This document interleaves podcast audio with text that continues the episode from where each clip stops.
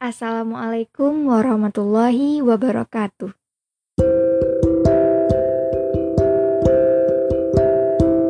Selamat datang di podcast perdana kami, Dialog Kalam.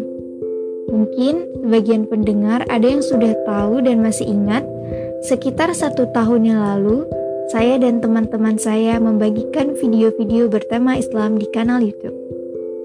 Tapi karena satu dan lain hal, saya dan teman-teman saya akhirnya berhenti. Sejujurnya, kami masih punya keinginan kuat untuk kembali. Namun, mengingat kami semua terpisah jarak ribuan kilometer, rasanya proses untuk mewujudkannya agak sulit. Sebelumnya, saya ingin minta maaf karena meskipun nama podcast kami adalah Dialog Kalam, di episode perdana ini saya masih harus monolog. Tapi kami berjanji untuk episode selanjutnya kami benar-benar akan berdialog.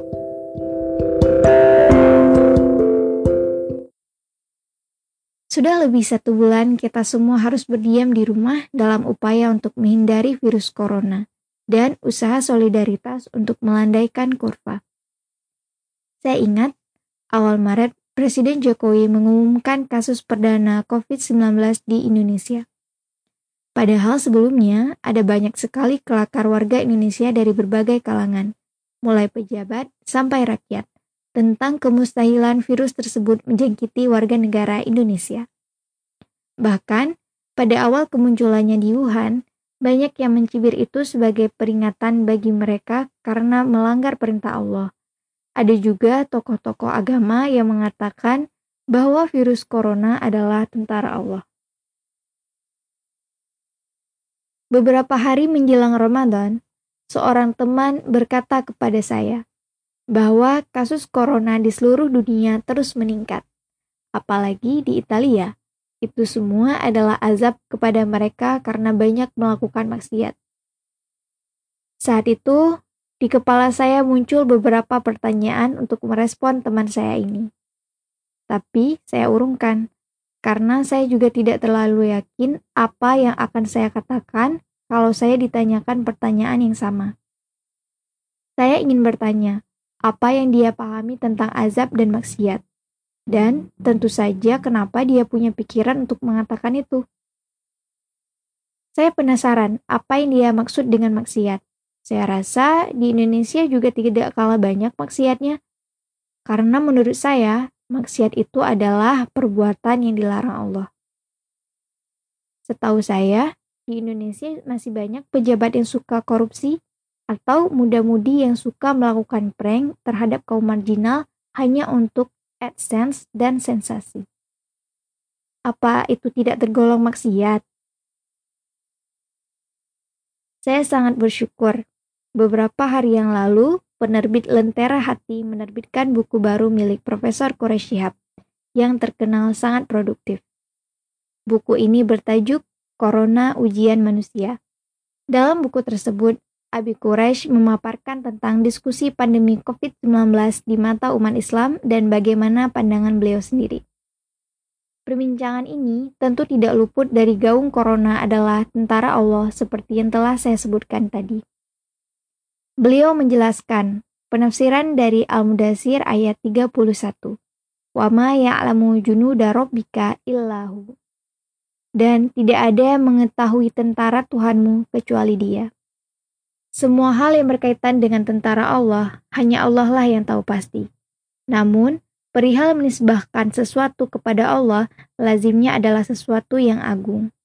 Seperti Baitullah rumah Allah yang merujuk kepada Ka'bah.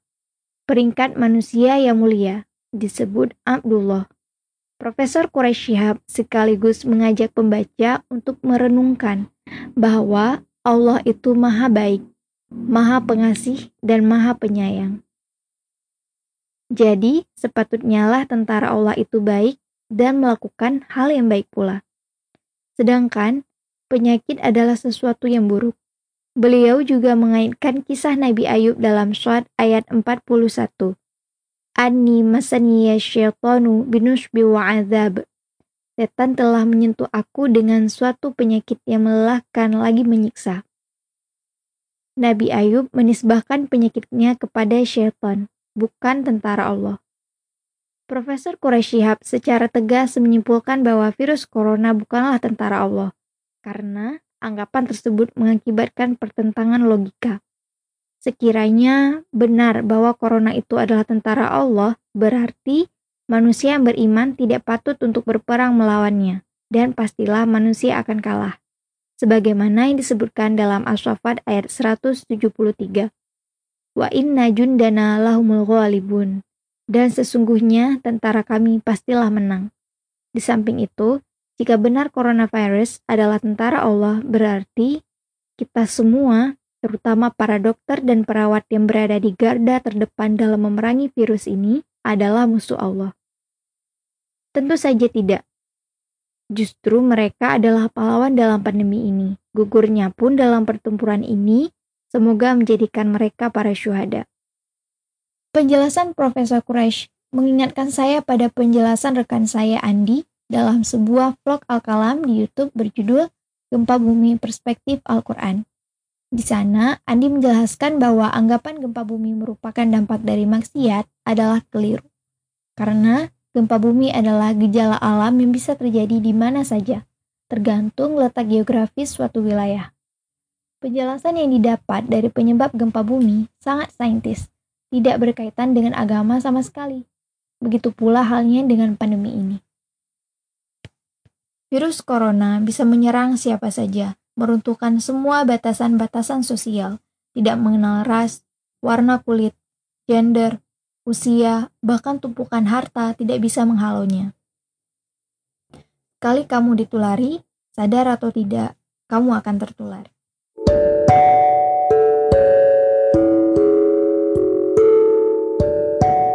Manusia memang diuji dengan ketakutan, kelaparan, dan kekurangan.